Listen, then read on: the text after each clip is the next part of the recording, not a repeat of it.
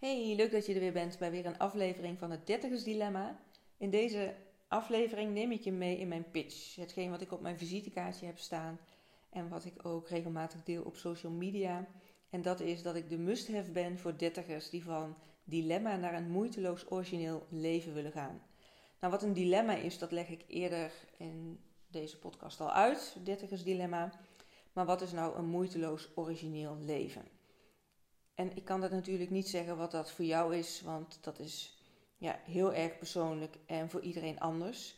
Waar ik jullie wel in deze aflevering in mee wil nemen is wat het voor mij betekent, wat het voor mij is en waarom ik het zo belangrijk vind en nastreef dat ook jij ja, een moeiteloos origineel leven nastreeft, of in ieder geval de invulling aangeeft.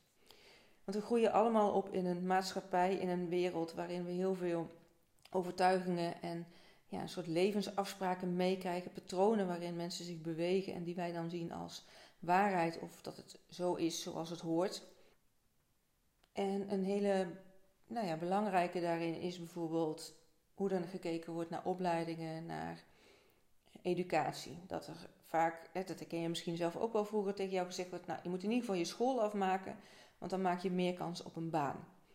En dat is ja, voor sommigen best wel lastig, want op het moment dat iedereen op dezelfde manier moet leren rekenen, eh, taal moet kennen, geschiedenis, aardrijkskunde, biologie, noem maar op. Terwijl nou ja, niet iedereen daar zijn hart ligt of daar even gepassioneerd over is of daar ja, even goed in is, als ik het dan in goed en minder goed mag zeggen.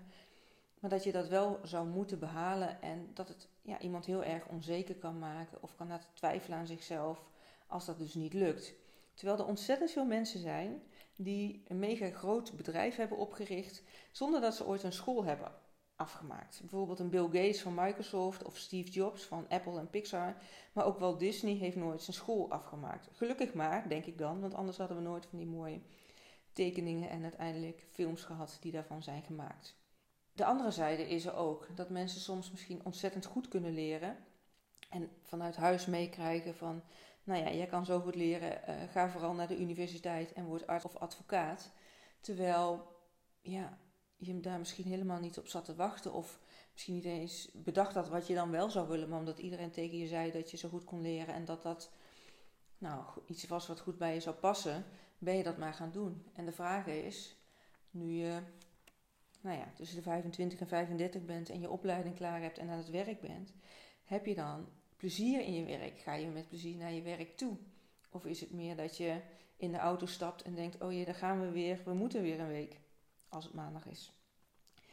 En ja, we stappen dan zo het leven in, omdat we dat dus meekrijgen vanuit onze opvoeding, vanuit onze maatschappij waarin we opgroeien, ja, hoe het dan hoort te gaan.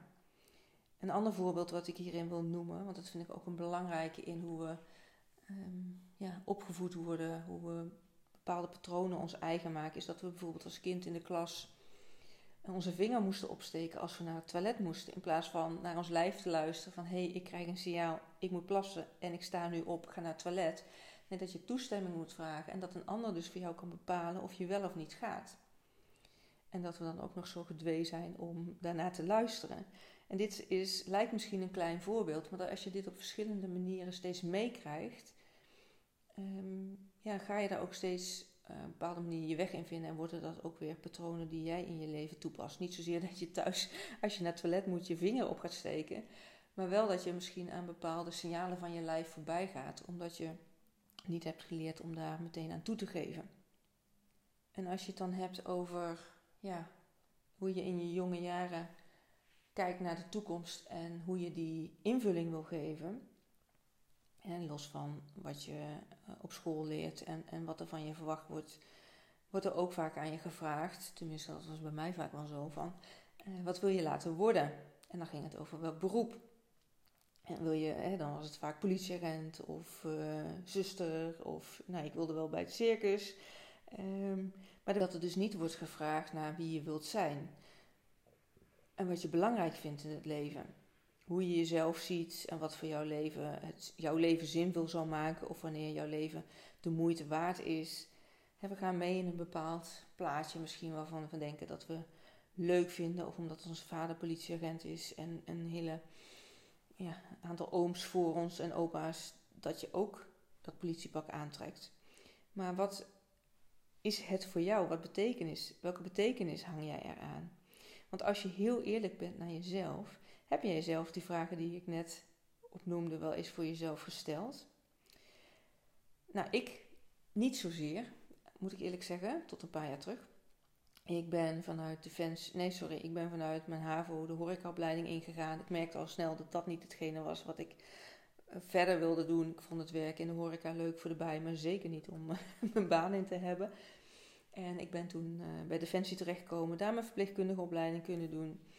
Nou ja, uiteindelijk civiel gaan werken en daar sociaal-psychiatrisch verpleegkundige geworden.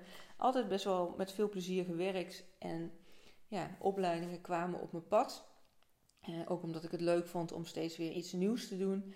Maar of ik nou echt stil had gestaan bij wat ik nou, echt belangrijk vond in mijn leven, waar ik voldoening en vervulling uit haalde, dat niet zozeer. Ik had het echt wel naar mijn zin op mijn werk, leuke collega's en ik voelde ook wel dat ik echt wat betekende voor mensen.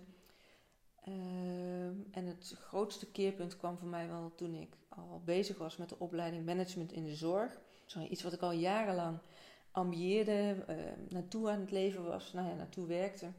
Het stond al een tijd op mijn lijstje en dat wist mijn werkgever ook. En dat nou, kon ik op een gegeven moment gaan doen. En ik zat in het eerste jaar en toen gebeurde er iets waardoor alles anders werd. En dat is vaak zo hè, op momenten dat je gaat nadenken over de zin van het leven en wat je wilt in het leven is omdat er iets gebeurt in jouw leven waardoor je ineens beseft dat dat belangrijke vragen zijn. En in mijn geval was dat dat er een ja, viertal mensen in mijn directe omgeving in een heel kort tijdsbestek van elkaar kwamen te overlijden. Waarop ik echt, nou ja, me heel sterk begon af te vragen: oké, maar wat wil ik dan in mijn leven als het ineens, want het waren allemaal mensen die te jong zijn heen gegaan, als het ineens afgelopen kan zijn. Nou, dat is het punt waarin ik me voor had genomen om in ieder geval geen spijt te hebben van de dingen die ik niet had gedaan. En ik voelde ook ineens aan elke vezel in mijn lijf dat die opleiding management in de zorg niet was wat ik wilde. En dat was een hele gekke gewaarwording, want dat, vertelde ik mezelf al jaren dat ik dat wilde. Uh, ik ben toen die opleiding gestopt, ook kon ik niet precies zeggen ja, wat ik dan wel wilde. Daar ben ik toen mijn ontdekkingsreis uh, naar begonnen. Ik heb verschillende coachtrajecten ben ik aangegaan, uh, verschillende cursussen en trainingen gedaan voor persoonlijke ontwikkeling. En ja, van daaruit kwam naar voren waar steeds meer mijn passie lag en mijn hart. Dat ik steeds ermee achterkwam wat ik wel wilde, dat ik ook merkte waar ik, ja, wat ik niet meer wilde. En dat was dat ik steeds meer vastliep binnen de geestelijke gezondheidszorg. Alle protocollen en richtlijnen en zorgprogramma's die daar waren en de wachtlijsten. Dat ik echt merkte dat ik ja, met alles wat ik leerde, ook buiten de GGZ, dat er veel meer mogelijkheden waren om mensen in hun leven op weg te helpen en meer tools mee te geven om nou ja, tot hun kern te komen in plaats van symptoombestrijding te doen. Want zo voelde, dat, voelde dat voor mij in veel gevallen wel bij de GGZ. Dat, ja, dat dat steeds meer begon te schuren. Dat ik echt ja, last van begon te krijgen. Dat ik andere ehm, tools wilde meegeven aan de mensen die ik sprak. Maar dat dat binnen de GGZ niet echt ja, dan was, zeg maar. Dat het niet echt passend was. En dan heb ik het bijvoorbeeld over hypnotherapie. Of nou ja, ik werk met human design. Dat is een, een, hele mooie, een heel mooi middel om mensen ja, bij hun kern te brengen en, en te laten ervaren waar ze energie van krijgen en waarvan niet. Zo zijn er nog een aantal voorbeelden. Ja, en dat maakte voor mij dat ik echt ging uh, onderzoeken van wat, nogmaals, wat wil ik dan wel en hoe kan ik daar vorm aan geven. En dat kwam naar voren tijdens een eigen coachmoment dat ik dacht van ja weet je, ik heb zoveel ervaring binnen die GGZ en alles wat daarbuiten mogelijk is. Ik ehm, ga mijn eigen coachpraktijk beginnen, want dan kan ik zonder al die protocollen, richtlijnen, precies zoals ik zelf voel en denk en weet dat ik mensen kan bijstaan in hun persoonlijke ontwikkeling. En kan ik dat naar mijn eigen voorwaarden doen in plaats van ja, binnen die lijntjes te blijven kleuren van de GGZ-richtlijnen.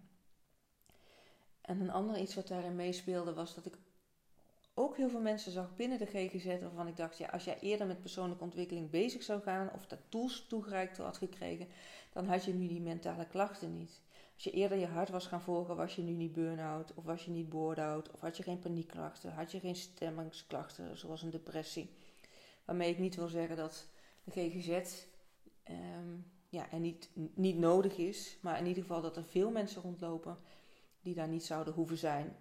En dat heb ik ook tot mijn, ja, ehm, is het een missie, maar tot een van mijn speerpunten gemaakt dat ik mensen dusdanig wil begeleiden dat zij de tools hebben om steeds naar zichzelf te kijken van ben ik gelukkig met wat ik doe, haal ik er vervulling uit en ga ik door op deze manier of heb ik het bij te sturen en daar een andere weg in te kiezen, te luisteren naar wat mijn hart zegt in plaats van naar wat misschien mijn hoofd zegt om de mensen of de mensen om me heen.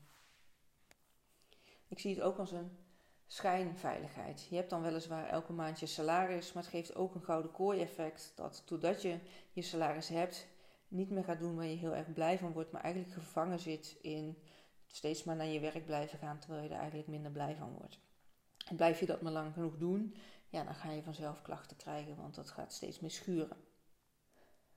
En zo, geldt, zo gold dat ook voor mij. Dat ik dus echt ja, mijn baan heb opgezegd, de zekerheid heb opgezegd van dat vaste salaris, om vol te kunnen gaan voor waar ik zo sterk in geloof. En dat namelijk is jou, ja, dus begeleiden, op weg helpen.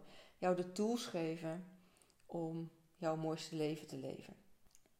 En dat je dus weer leert je hart te volgen en te doen waar je blij van wordt, los van de meningen van anderen, los van belemmerende overtuigingen die je zelf in je leven hebt opgedaan, of patronen die je denkt dat, ja, dat, dat nodig zijn of moeten. Maar ja, wie heeft dat ooit bedacht en wie zegt dat het niet anders kan? Nogmaals, ik noemde net een aantal namen en er zijn er nog veel meer te noemen van mensen die hun hart hebben gevolgd en daar ontzettend succesvol in zijn geworden.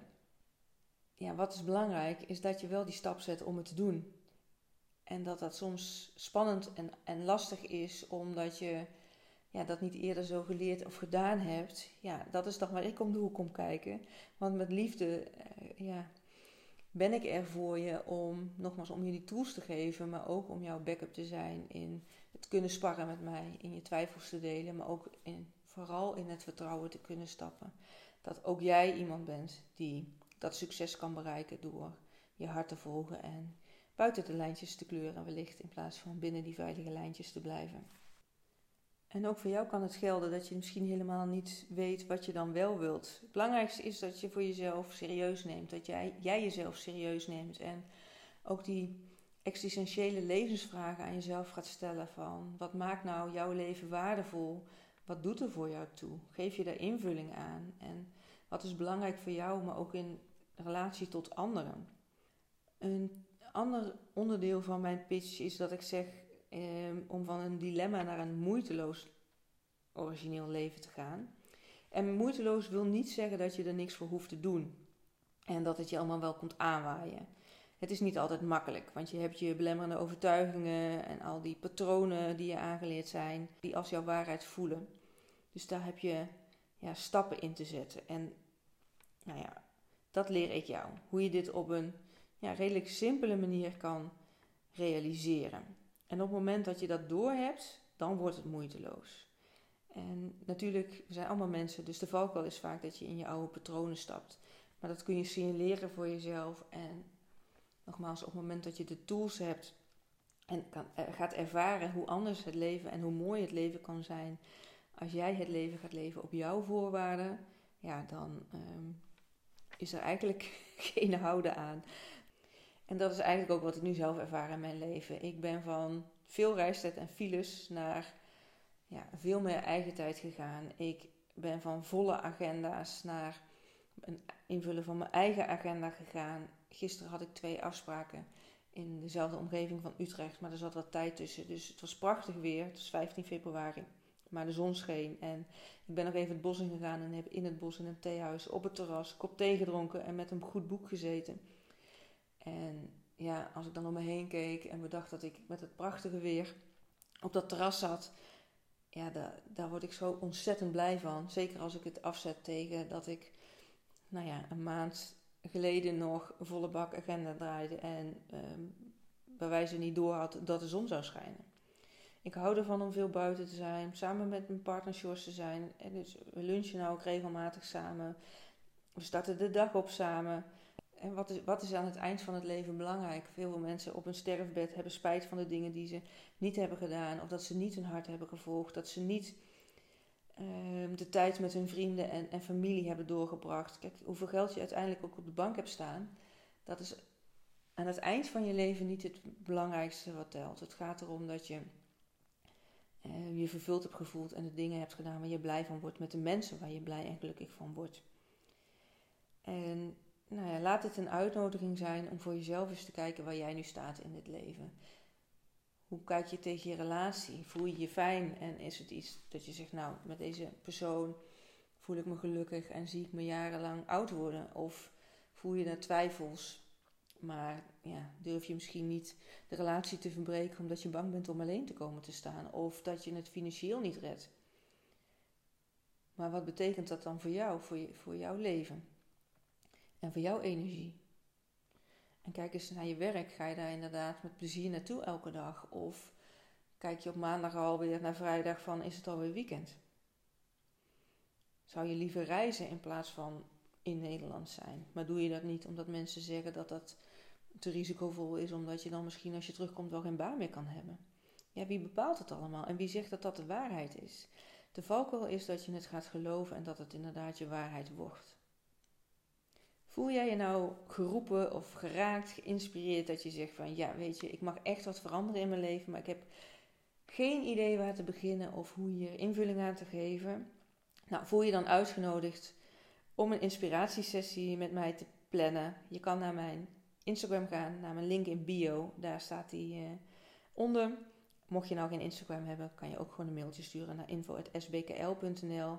Want ja, ik heb wel het werk gevonden waar ik ontzettend blij van word en waar ik echt helemaal warm van word. En dat is om jou te begeleiden in jouw reis die je te maken hebt. Want voor mij is er niks mooier dan van heel dichtbij jou de tools te kunnen geven hoe je die invulling aan jouw mooiste leven kan geven, naar jouw voorwaarden. En dat ik van heel dichtbij die ontwikkeling mag faciliteren, maar dus ook mag doormaken en mag zien.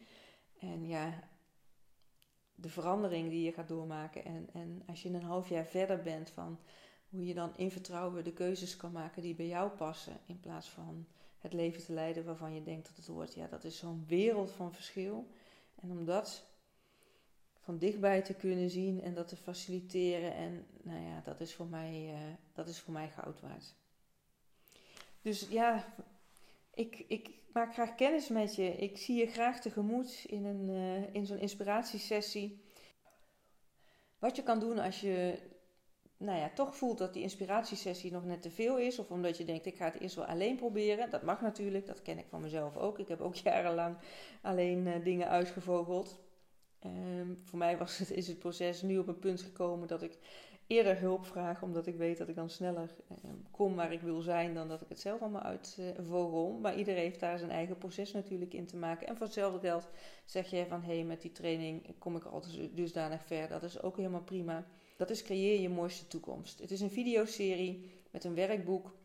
En daarin krijg je een aantal basistools aangereikt, zodat jij nu al met um, ja, bezig kan gaan om die mooiste toekomst die jij voor ogen ziet naar je toe te trekken.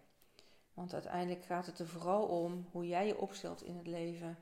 En um, nou ja, dat leg ik je uit in die training, maar dat alles waarvan jij de dromen hebt, dat je die waar kan maken. En dat het heel erg belangrijk is hoe jij in het leven staat, hoe je vooral denkt, doet, handelt, voelt en praat over jezelf.